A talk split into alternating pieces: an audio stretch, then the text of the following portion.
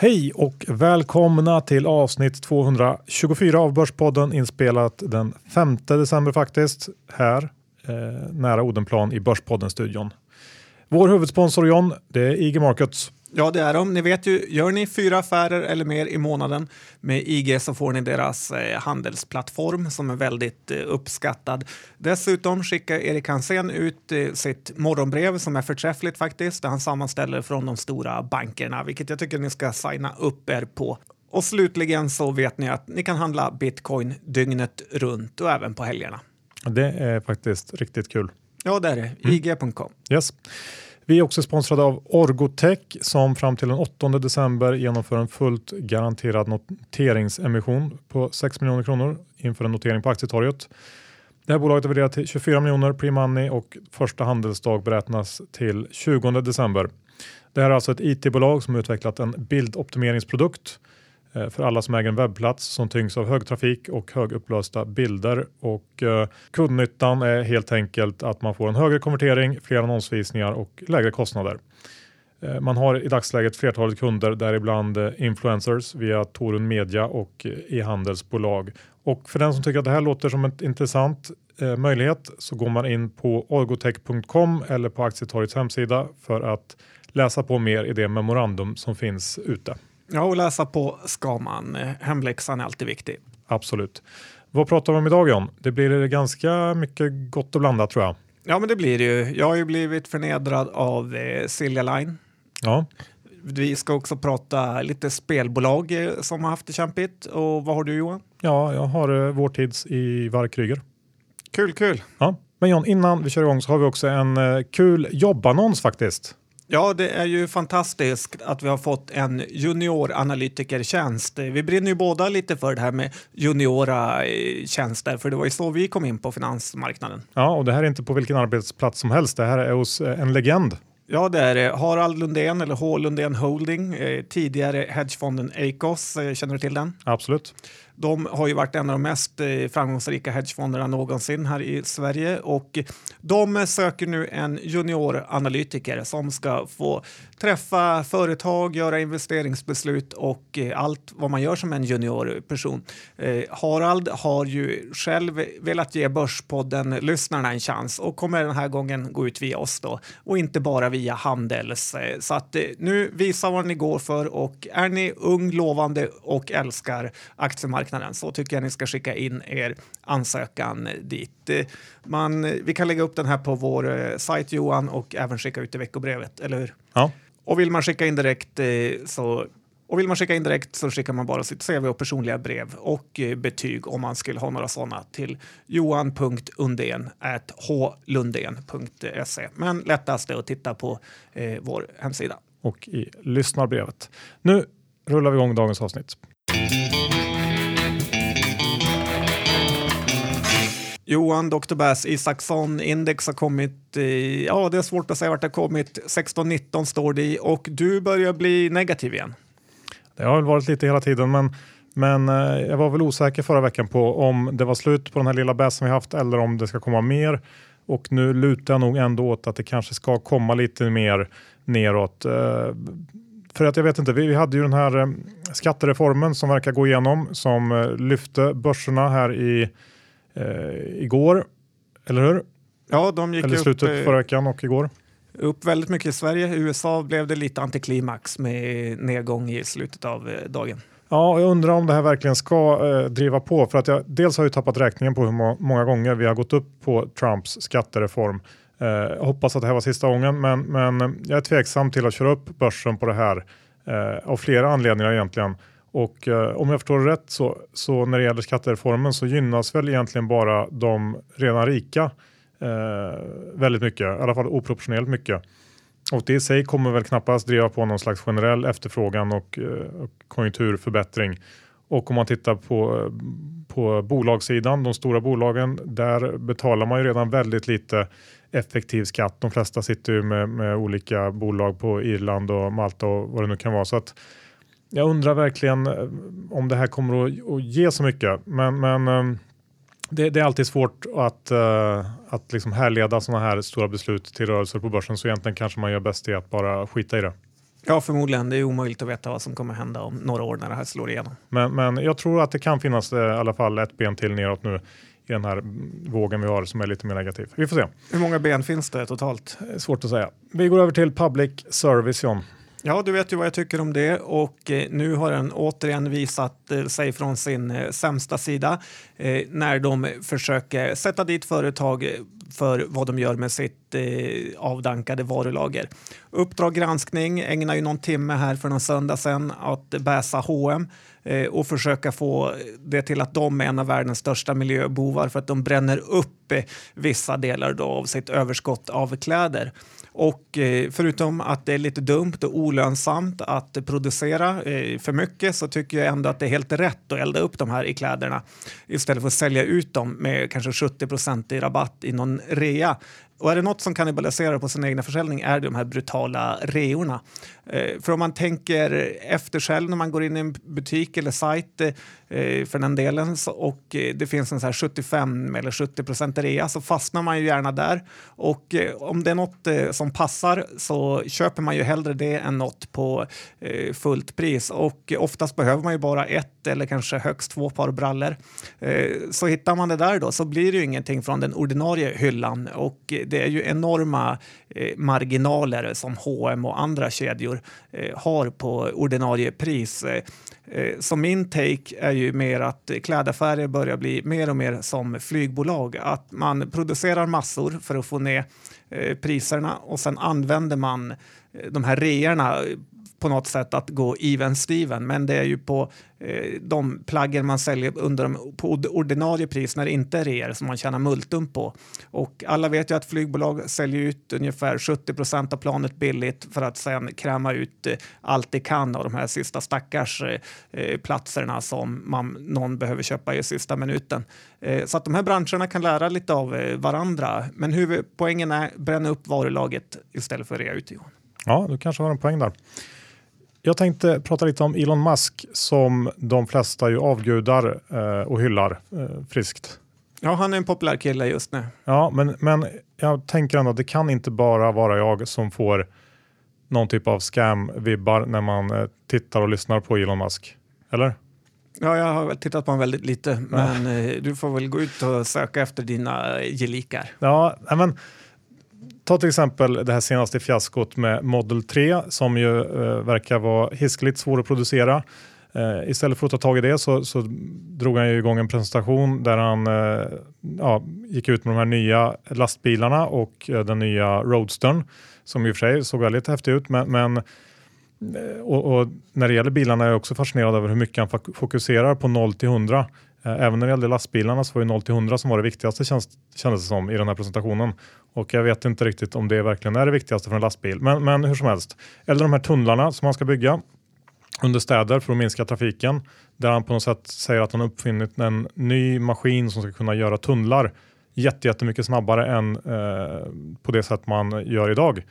Vilket jag också tycker bara känns konstigt. Kan en person verkligen bara hitta på så här mycket grejer när det finns folk som jobbar heltid och har jobbat livstiden med de här grejerna. Men han har då hittat på en egen maskin som gräver tunnlar supersnabbt. Mm, men de andra har inte grundat eh, Tesla eller SpaceX eller vad, allt vad han har hittat på? Nej, jag tycker ändå att man ska vara lite tveksam. Eh, inget av bolagen han har eh, grundat har ju, tjänar ju heller några pengar. Eh, han är uppenbarligen bra på visioner och idéer men, men jag, jag är tveksam och jag tycker att man kan på något sätt dra paralleller till eh, Iva Kryger eh, när man tittar på Elon Musk och eh, att han är någon slags vår tids eh, Iva Kryger, en modern Kryger. Ja, men det är intressant. Jag får kanske skriva en bok om det händer en fullständig kollaps. Ja, men det, det känns ju inte helt omöjligt att, att det här imperiet som har byggt upp kommer att på något sätt braka ihop av sin egen tyngd och skulder och så vidare. Eh, så får vi bara hoppas att det inte slutar eh, riktigt lika illa för Elon ändå. För att han vill nog eh, bara gott ändå. Men, men eh, kom ihåg vem som sa det. Ja, Elon är dessutom alldeles för självgod för att eh, ta livet av sig. Kanske. Amorteringskravet då, det vill du prata om? Ja, men jag tycker att det är dags att någon sätter ner foten om det här med alla amorteringskrav eh, som kommer. Ibland undrar man faktiskt vilken typ av land eh, Sverige håller på att bli. Eh, för hur kan de här politikerna och folket för den delen också tycka att det är okej okay att staten ska bestämma precis allt om vår ekonomi numera? Har du den här belåningsgraden, då ska du amortera 1 procent. Har du den här belåningsgraden, då ska du amortera 2 procent. Och jag menar, på något sätt kan väl staten lika gärna börja bestämma vad lägenheter ska kosta också. En etta kan kosta en miljon, en tvåa två miljoner och så vidare. Nu har vi SVT, Systembolaget och snart ett amorteringskrav som kommer bestämma och över ekonomin. Så att eh, lite frihet kan väl finnas kvar Johan. Ja, eh, jag håller väl med dig kanske. Eh, men, men vi går över till någonting som är väldigt i ropet nu och det är ju att handla på nätet. Ja, jag testade både CDON och Boost här under Cyber Monday och köpte massa grejer. Eh, alla bolag utlovar ju sinnessjukt snabb eh, leverans, en till två dagar säger Boost. Eh, nu har det gått mer än en vecka sedan och jag har ännu inte sett något paket dyka upp. De verkar jobba med Postnord, vilket kanske förklarar saken. Eh, det här kan ju också vara så att näthandeln har slagit såna extrema rekord nu, eh, men det känns ju inte riktigt bra inför julhandeln att det redan är sånt här eh, kaos. Så att det kanske blir ett besök till de vanliga affärerna till jul, Johan.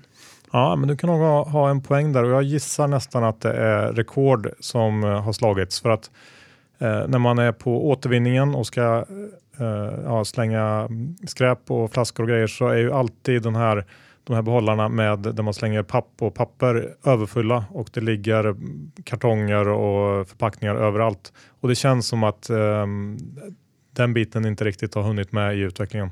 Nej, minskning av emballagen hade ju alla uppskattat från näthandlarna. Ja, kanske Elon Musk kan fixa på något sätt. Um, vi går över till bitcoin lite snabbt. Jag ska inte prata så mycket om det. Uh, vi pratade om det förra veckan, men det är en, en grej som jag eh, kan störa mig lite på som många kritiker tar upp som, som kanske sitt starkaste argument till varför bitcoin inte kan funka och det är här med vollan. Ja, den är ju brutal. Ja, att, att eh, det kan aldrig funka som valuta för att eh, vem vill ta betalt och vem vill betala i, i någonting som kan stiga eller sjunka 20-30% på eh, några timmar. Mm, berätta hur ja, det ska kunna funka. Nej, men det, det är en första first level thinking aspekt så låter ju det rimligt. Men på något sätt, om man nu antar då att, att bitcoin verkligen ska bli en stor valuta och någonting på riktigt, då måste du på något sätt ta sig dit, eller hur? Uh, det här var någonting som var, hade ett marknadsvärde på noll uh, för 7-8 år sedan och ska då gå till någonting mycket större. Och hur ska man kunna göra det utan att ha volla? Nej, det är sant. Så att du menar om vi handlar upp den till 100 000 på en gång så kan den bara ligga stilla där? Ja, eller 500 000. Okay. Men, Nej, men du, för, du, förstår argumentet att, att det faller på sin egen eh, på sitt eget grepp på något sätt. Så att, eh, om det nu ska gå upp och bli en stor, stor världsvaluta eller någonting annat. Jag säger inte att det ska bli det, men, men om det är det som är argumentet så tycker jag att det faller för att bitcoin måste ta sig dit på något sätt och det är svårt att göra utan volla. Så barnsjukdomar helt enkelt? Så kan man säga. Och så måste jag också eh, infoga en liten kommentar kring eh, tvillingarna Winkelvoss. Ja, få höra om två av världens mest hatade personer. jag vet inte om de är, men, men eh, det var ute stort här igår att eh, de var de, nu är de första bitcoin-miljardärerna i dollar. Eh, lite osäker på hur bekräftade de uppgifterna är, men de gick ut och använde en stor del av de pengar som de fick eh, när de settlade med Zuckerberg eh, i det här Facebook-målet. En stor del av dem, jag tror de fick 65 miljoner dollar då, eller om det var 75 och 10 av dem tror jag, eller 11 använder de för att köpa bitcoin och, och det har ju varit bra, en bra investering. Eh, så det är nu värt över en miljard dollar om det nu är så att de har kvar dem. Det verkar lite osäkert. Men jag undrar om det inte är så att det är de här Winklevoss-bröderna eller tvillingarna som är de verkliga genierna i, i den här sagan och inte Zuckerberg. Uh, han snodde deras idé som var superbra och de uh, ja, lämnade det, tog nya tag, investerade i bitcoin och blev superbra. Eller? Ja, det kanske... Inte helt fel spaning kanske? Nej. Nej. John, vi är också sponsrade av Neckware som har en, eh, förutom en fantastisk nätbutik, har ju också en fysisk e-handelsbutik som de kallar det i Frölunda Torg, eh, Galleria i Göteborg. Så kul för alla eh, Göteborgs lyssnare av Börspodden. Den här rabattkoden Börspodden funkar bra även där om man vill gå in och handla lite fysiskt om man är gammaldags av sig. Ja, så då får man säga Börspodden i kassan eller? Ja, precis. Så får man 20 rabatt. Och eh, i övrigt så skulle jag kanske vilja tipsa den här veckan om deras Neckwear box. Det är en färdig box med utvalda produkter till halva priset. En perfekt julklapp. Eh, och ni vet ju såklart att de har ett stort utbud av skjortor från Eton, Stenströms, eh, Tiger of Sweden och så vidare. Och använd Börspodden-koden så får ni 20% rabatt på hela sortimentet och fri frakt och retur och snabb leverans som vanligt. Neckwear.se John, vi börjar med ett bolag som verkligen har varit i hetluften på slutet. Oscar Properties. Ja, kul att du Ja, kul att vi får ta upp det. det har ju, idag kom det en rek från Pareto som säger att marknaden är helt fel ute här. Eh, de sätter sin riktkurs på 65 kronor här för mig och eh, det är nästan en dubbling från dagens pris. Eh, det börjar ju bli lite intressant tycker jag också vilken extrem härvjägare den här Staffan Persson börjar bli. Han har varit stor i Niro och nu i Oscar Properties och jag har för mig att han har varit inne i VRG och härjat också. Eh, jag börjar bli lite orolig för han och eh, kanske mest hans hjärta. Jag själv sålde lite aktier idag på den här uppstudsen för att det, det, brukar inte vara så att rekar håller i sig särskilt länge i det här klimatet. Eh, eh, jag kan tänka mig att köpa tillbaka lite lägre ner, men får man en 10 procentare upp på en rek så ska man utnyttja det tycker jag. Det är svårt att veta vart den här ska ta vägen, men det är en tuff marknad och den kommer hålla i sig länge oavsett vad mäklarna säger. Ja, det är nog så kanske. Man, man kanske får spela den här aktien eh, som du har gjort med lite snabba in och uthopp. Jag vet inte riktigt. Ja, jag är i och för sig brutalt back i den så att jag har inte spelat den så bra. Nej, men för mig lockar det i alla fall inte. Eh, det kan ju mycket väl vara så att vi är i början av någonting mycket större och mer utdraget så att det finns nog roligare saker tror jag att stoppa sina pengar i. Uh, Elekta tänkte jag prata om. Jag tror inte att det heller är så jättekul. Uh, de kom ju med en rapport förra veckan. Börja upp och sen krascha. Ja, precis. Eh, den innehöll lite gott och blandat och det positiva, då, om vi ska ta det först, var väl ett resultat som nästan var 20% bättre än väntat. Eh, men det mindre roliga var att orderingången var svag, nästan 10 sämre än väntat och eh, i övrigt så gick ju ledningen också ut och upprepade den här helårsprognosen om en justerad rörelsemarginal på över 20% Men det tror man väl kanske inte riktigt på från marknadshåll. Men vi har ju varit eh, negativ till Läkta ganska länge och jag tycker inte att man fick någon större anledning till att ändra på det eh, nu. Orderingången som är det viktiga var en besvikelse och det eh, är fortsatt osäkert när lanseringen av den här nya strålkniven Unity kommer att ske och som vi har pratat om tidigare även ganska stor osäkerhet kring prisbilden här där andra konkurrenter ligger betydligt lägre. Så att Ja, det finns, eh, finns en hel del rörliga delar som är svåra att uppskatta i Elekta nu och eh, sammantaget så känns det som att eh, konsensusprognoserna för kommande år när man tittar på dem, att de fortfarande är för optimistiska och eh, för mig blir det fortsatt sälj på Elekta faktiskt. Tyvärr. Ja, den aktien har ju inte varit rolig och det är ju så jobbigt att gå emot negativa rörelser. Ja. vi har ju ett, ett relativt nynoterat spelbolag, Global Gaming heter de va? Jajamän, och Global som, 55, eh, de kom ju med en rapport här som var super på resultatet. Eh, ofta är det som ett spelbolag att de har ett kvartal där man satsar hårt på marknadsföring och då får man ett eh, relativt dåligt resultat och sen i nästa kvartal då får man skörda frukterna av sin reklamkampanj och då får man ett väldigt bra resultat. Eh, så lite slaggigt kan det vara. Eh, så var det med det här. Global 55 hade säger ju att man inte kunde satsa så hårt på reklam som man velat på grund av olika eh, speciella grejer som hände med Discovery och liknande. Eh, och det här sparade man ju mycket kostnader på så att resultatet blev eh, bra. Eh, nästa kvartal eh, så har man ju flaggat för att det kommer bli sämre. Dessutom tycker jag att det är något eh, lite halvskumt med aktien för hela tiden dyker upp nya säljare hela tiden. Jag har pratat med andra kunniga inom det här med spelbolag och de säger också att det här med Ninja Casinos stora fördel Eh, att man inte behöver öppna ett konto utan att man legitimerar sig direkt via BankID eh, kan bli ett stort problem i framtiden då det här med Know your customer eller KYC som man säger inom branschen, att man ska vara KYC-ad, eh, eh att det kommer bli större och större. Och eh, Särskilt med regleringen vi har framför oss så kan det här också bli ett problem. Eh, jag hade en liten rapportspek i det här och det blev ju bra. Men nu känner jag ändå att jag vill stå utanför det här ett tag eh, för att eh, man vill egentligen inte äga aktier då man vet att, eller då alla vet att vi har ett dåligt kvartal framför oss. Nej, så är det väl lite grann och uh, vad jag förstår är det också väldigt många som kom in uh, på betydligt lägre nivåer för inte alls länge sedan, något år sedan och som uh, har gjort en väldigt, väldigt bra affär på kort tid. Och att, eh, det var ju mycket sånt överhäng i början av den här noteringen och jag har en känsla av att det fortfarande är en hel del sådana aktier också som, vill, som är nöjda bara helt enkelt. Så att vi, vi får se, den är lite luring. Den, den ser ju hyfsat intressant ut om, om man ja, tror att allt ska gå som det ska. Ja, om man säger så. Men eh, läge att hålla koll på i alla fall. Kambi har studsat upp ganska rejält eh, sen de här lägsta nivåerna i somras, strax under 70 och den eh, närmar sig väl 90 spänn nu. Och eh, för att det ska hålla i längden så krävs det ju avtal och det har de ju eh, börjat leverera så smått på slutet. Förra veckan så signade, signade man eh, den sydafrikanska aktören Sun International. de kommer byta under ja, första halvåret nästa år till Kambi och det här avtalet i sig är väl ingenting som förändrar bilden jättemycket för Kambi, adderar några procent kanske till vinsten. Och um, under de närmaste månaderna så får man nog ändå säga att, eh, att chanserna till fler nya kunder är höga.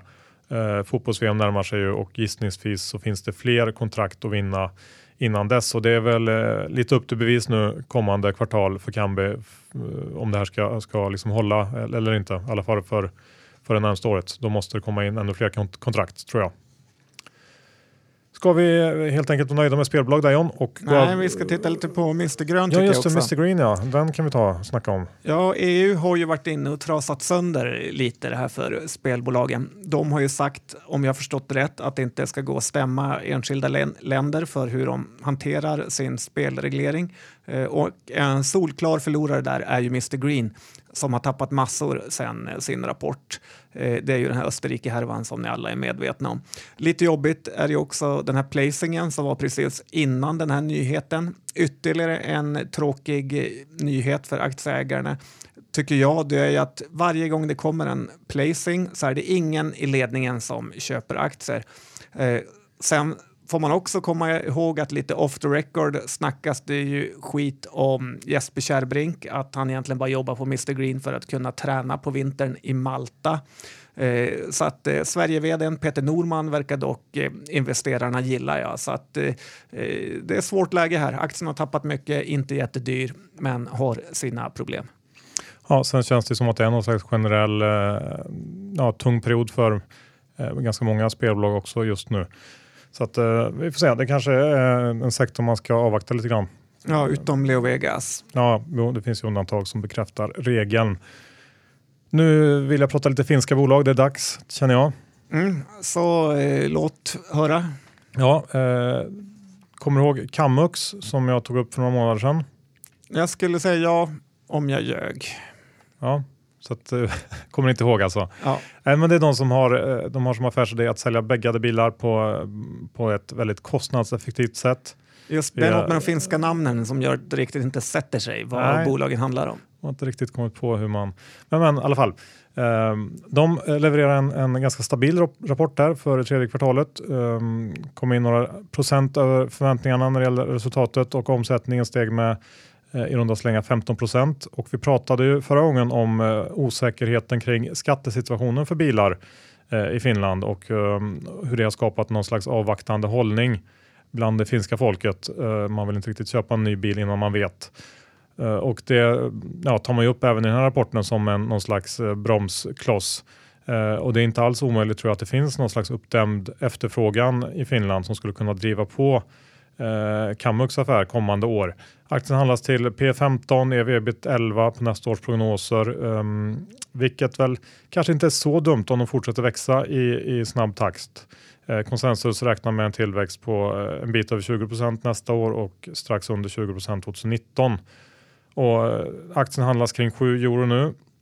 Eh, det är en ganska bra bit ner från årshögsta som ligger på 9 euro. Så att gillar man den här affären så är det väl ingen hisklig prislapp även om man får komma ihåg att bilförsäljning är ju eh, cykliskt. Ja, men det lät eh, faktiskt ganska billigt med den tillväxten. Ja, det skulle kunna vara det. Så då, titta på det om du gillar bilar. Eh, John, du ska ju snart ut och resa. Ja, det ska jag. Och, eh, inte vilken resa som helst. Nej, men jag har ju en tendens att vara lite så här sloppig så att jag glömde bort att vår familj skulle till helgen åka på en Finlandskryssning eller kryssning, kanske är lite snällt att säga eh, med de här båtarna. Men vi ska åka till Helsingfors i alla fall och eh, Eh, så att jag hade glömt bort att boka. Och som Umeåbo så har man ju åkt mellan Umeå och Vasa väldigt många gånger. Vasalandia, har du varit där? Nej. Det är ungefär, det får ju Furuviks nöjespark att verka välskött. Eh, men eh, man är ju van att det ska kosta ungefär 150 spänn att få en hytt eh, på en Finlandsfärja. Men då jag som sagt var ute i sista minuten så fanns det bara en hytt kvar på hela båten där vi rymdes i och det var Commodorhytten. Vet du vad den kostade? Nej. Eh, tio papper. Det känns ju typ bättre att spela bort sina pengar på kasinot än att köpa en Finlandsresa för eh, tio papp. Eh, men då tänkte jag att jag måste titta lite på de här aktierna bakom för att se att eh, om det verkligen går så bra för de här rederierna som deras priser indikerar och även att de är så fullbokade och eh, vi har ju Viking Line som är börsnoterat i Finland med ett börsvärde på ungefär 1,7 miljarder. Eh, kursmässigt har ju Viking Line inte varit någon rolig aktie senaste åren. Eh, stått still och eh, de har en ganska hygglig direktavkastning som dock varierar mycket mellan åren. Eh, de klagar också i sin rapport på att konkurrensen är tuffare och bunkeroljan har blivit dyr, alltså drivmedlet för de här färgerna. Eh, intjäningen per passagerare sjunker också och eh, kostnaderna för passagerarna stiger. Så Viking Line känns eh, faktiskt som en rätt dålig investering. Tittar man på det andra rederiet som går här i Stockholm är det ju Silja Line Eh, och det är väl känt. Eh, ägarbolaget heter Tallink. De är noterade i euro fast på Tallinnbörsen. Det här bolaget känns mycket bättre och mer eh, välskött. De har ett börsvärde på 7,5 miljarder eh, kronor så att börsvärdet är mycket större än Viking Lines. Direktavkastningen är 2,7 procent. Aktien har dubblats sedan 2015 men verkar också vara lite svajig. Den här typen av bolag är ju rätt skuldtyngda på grund av de här invest enorma investeringskostnaderna som man, det innebär att driva färjetrafiken. Finland-Sverige är väl inte jättebilligt. Eh, och de gynnas ju väldigt mycket av låga räntor eh, och det blir såklart tvärtom om de skulle börja ticka uppåt. Bolaget handlas lite under eget kapital, vilket kan vara någon typ av tröst eller säkerhet. P-tal på 16. Så vill man köpa ett av de här skandinaviska färjebolagen så skulle jag faktiskt eh, köpa Tallink för eh, Viking Line. Intressant eh, var det i alla fall. Jag kanske kan komma tillbaka med lite mer rapporter när jag åkt. Ja, det skulle vara kul att höra. Men, men tack för den rapporten. Och när jag tänker färja, då tänker jag också att man kanske köper lite öl. Ja, eh, det vore ju dumt. Man måste ju känna igen det på något sätt. Ja, och då har jag faktiskt tittat lite grann på Royal Unibrew. Eh, känner du till dem? Danska bryggerikoncernen. Ja, det är ju väldigt kul när man är i Danmark och köpa lite local beer. Mm. Det är faktiskt näst största bryggeriet i Norden Baltikum omsätter en bit över 6 miljarder danska och de har eh, märken som Royal, eh, kan väl liknas kanske med någon slags Åbro eller Fulöl kan ja, du bara säga. Det tycker jag är en bra benämning. Eh, Lappinkulta tycker jag eh, har en ganska härlig klang, eh, ett märke som jag gillar. Ja, det är en klassisk bastuöl. Ja. Eh, de har också den här original, den här gin-drinken som man köper i en blåvit burk. Lite av en favorit för mig. Ja, det är Finlandsfärgernas flaggskepp. Ja. Eh, sen har de Faxe är också en sån här känt märke och eh, de har också såklart ett gäng craft beers för alla hipsters som man måste ha som bryggeri nu för tiden. Och eh, den, den uppmärksamma lyssnaren märkte att det var en del finska inslag. Det, fick man när bolaget 2013 köpte eh, Hartwall och eh, då dubblade man i princip verksamheten i ett slag. Och den här aktien har gått väldigt, väldigt bra sedan dess, inklusive det senaste året och eh, är faktiskt nu eh, ganska rejält mycket dyrare jämfört med peers. Eh, EV-ebit runt 20 i år och eh, runt kanske 19 på eh, prognoserna för nästa år. Och spontant så tycker jag det känns som att det här eh, tåget har gått. Det är sent att hoppa på nu, aktien är dyr. Svårt att se vad som ska driva på härifrån egentligen så att eh, jag skulle absolut vänta på bättre lägen om, om, eh, om jag stod i eh, köpsugtagen i Royal Unibrew. Ja, men det låter ju smart faktiskt. Och om vi ska knyta säcken här och, och, få ihop alla delar så kanske det kan vara smart att ta en avslutande titt också på vår bryggeristolthet i Sverige, Kopparbergs. Ja, och den har ju inte alls gått så bra. De rapporterade och med alla mått mätt, eh, som proffsen säger, så var det här en riktigt usel rapport. Jag har ju gett eh, Kopparbergs vd Peter Bromsman ett eh, nytt namn och i min bok heter han numera Peter Bromsrand. Mm, varför då? Jo, för att när han tvättar sina kallingar efter Brexit-omröstningen så måste han välja 95-gradersprogrammet eh, för att få dem rena, Johan. Eh, det, Brexit var det absolut värsta som kunde hända för Peter Bromsrand och eh, det har ju verkligen trasat sönder Kopparbergs. Valutan är väl kanske inget långsiktigt problem, men tillväxten vill inte ta fart här och det tycker jag man kan förvänta sig av ett bolag med den här värderingen. Eh, sen märker jag på olika chattar att folk börjar tröttna på den extremt dåliga kommunikationen som Kopparbergs har med aktiemarknaden. Och eh, runt 200 tycker jag inte att den här är köpvärd närmsta året och vi kommer fortsatt se de här problemen. Mm.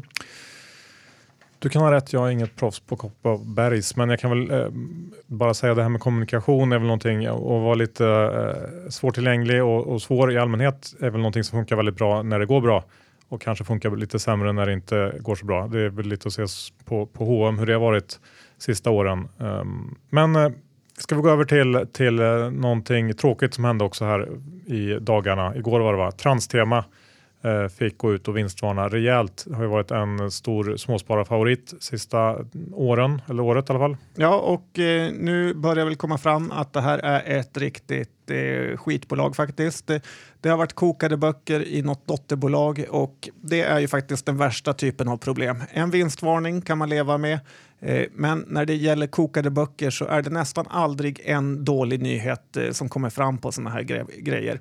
Kramer brukar alltid säga att eh, direkt det är bokföringsproblem så ska man sälja aktien. Eh, tittar man på Eltel så var ju det precis så. Sålde man direkt, det här kom på tapeten, så kom man ut relativt, får man väl säga, oskadd jämfört med de som var med till botten. Eh, Börsveckan har ju varit en av de ivrigaste påhejarna av Transtema så att det ska bli kul att se vad de säger om det här. Eh, för aktien har ju, får man inte glömma bort, har ju tappat massor. Så att eh, eh, om någon tycker det är köpläge eller om man bara ska ge upp den. Det vore också kul att se vad insiders gör. Eh, för om det här var en engångshändelse så borde ju de köpa brutalt mycket aktier efter ett eh, 30-procentigt tapp på två dagar. Eh, jag skulle hålla mig borta eftersom det är eh, bokföringsproblem är det absolut värsta som finns. Absolut, jag håller med dig. Jag är absolut inte proffs på transtema, men jag har noterat att de har byggt mycket av sin framgång på att köpa mindre sådana här firmor eh, och bygga bolag via den vägen. Och, eh, för den som var med på VKG-tiden så är det ju kusligt likt på något sätt och det slutade ju absolut inte bra. Nej, det var en katastrof det med. Med Hagge Rilegård. Uh, ah, ja, vi, vi lämnar det och jag tänkte avslutningsvis John säga några ord om URA igen. Jag gjorde en uppdatering här för en dryg månad sedan eller någonting. Uh, och uh, då var jag väl inte särskilt positiv. Eh, vi du var, var nära att ge upp då faktiskt. Jag var nära, men jag sa att eh, låt det gå några kvartal till. Eh, vi var nära årslägsta kring 12 dollar då, men eh, ja, jag var ju inne på att någonting måste hända. Utbudet måste minska eller så måste efterfrågan öka, tror jag att jag sa. Och eh, Sen dess har det faktiskt hänt grejer eh, lite oväntat. Först gick ju uranjätten Cameco eh, i Kanada ut med en produktionsneddragning motsvarande ungefär 10 av av eh, den globala eh, produktionen och igår så meddelade Kazatomprom, eh, Kazakstans statliga jätte, att de drar ner sin produktion 20% vilket eh, omräknat till någon slags global produktion innebär ytterligare en minskning med knappa 10 Så att på kort tid har alltså det globala utbudet av uran minskat med nästan 20 procent vilket såklart då har fått eh, uranpriset och eh, även då uran-ETFen URA att pigna till som nu handlas kring 16 dollar, eh, det vill säga en uppgång på ungefär 30% från de här lägsta nivåerna för en månad sedan. Och nu är det väl bara intressant att se om det här fortsätter att jobba sig uppåt och det här, om det här var det som behövdes för att få fart i, i uranmarknaden. Vi får se, men eh, nu är man i alla fall eh, ja, lite, ligger man lite bättre till om man har köpt den här. Ja, du har varit på lite bättre humör sista tiden.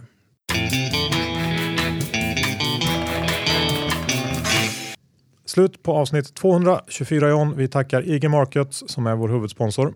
In på deras hemsida, signa upp er på allt vad för gott och krispigt de erbjuder. Veckobrev, handelsplattform och eh, trada bitcoin dygnet runt. Ja, och dyker upp något spännande event så gå på det också. Ja. Eh, och glöm inte eh, vår sponsor Orgotech som tar in eh, pengar i en noteringsemission som är fullt garanterad 6 miljoner. De ska notera sin aktie på aktietorget. Eh, Första handelsdag beräknat till 20 december. Vill man läsa mer om det här eh, då går man in på orgotech.com eller på Aktietorgets hemsida där det finns memorandum där man kan läsa på. Mm, läs på. Ja. Och eh, Neckwear, även fortsatt så gäller koden Börspodden som ger dig 20 i rabatt. Eh, om du har lite dålig fantasi på vad du ska köpa till eh, din make, pappa, farfar, lillebror, storebror då har de en Neckwear box som är perfekt för dig. Neckwear.se. Och John, för alla våra karriärsugna lyssnare som är lite yngre, yngre så missa inte att söka det här jobbet hos Harald Lundén, eh, legenden. Går knappt att få bättre jobb i Sverige skulle jag säga inom finans. Nej, förmodligen inte. Är man ett whiskid, extremt duktig på aktier, intresserad och inte eh, tänker sig att man ska jobba på Coop utan jobba hårt, då är det här ett jobb för dig. Ja, och eh, annonsen kommer att finnas på vår hemsida och även skickas ut i vårt lyssnarbrev. Kanske kan få ut den på Twitter också på något sätt. Ja, det borde inte vara möjligt eftersom det är vi som styr det. Ja, det är sant. Eh, nu är det bara innehavsredovisningen kvar. Den är alla väntat på. Jag äger URA, bitcoin. Känns inte som att jag egentligen behöver säga det. Det är som att, att jag skulle säga att jag äger SEK. Liksom. Det är ju en valuta. Ja, du tycker det. Och eh, Men se vad Ingves kan göra. Eh, och John, du äger kanske... En Commodore-hytt på eh, Silja Line. Ja. Och sen tror jag faktiskt inte... Jo, jag äger lite Oscar Properties. Inga Tallink? Inga Tallink. Se om du kommer hem med några. Ja. Vi hörs om en vecka igen. Tack för oss. Hej då!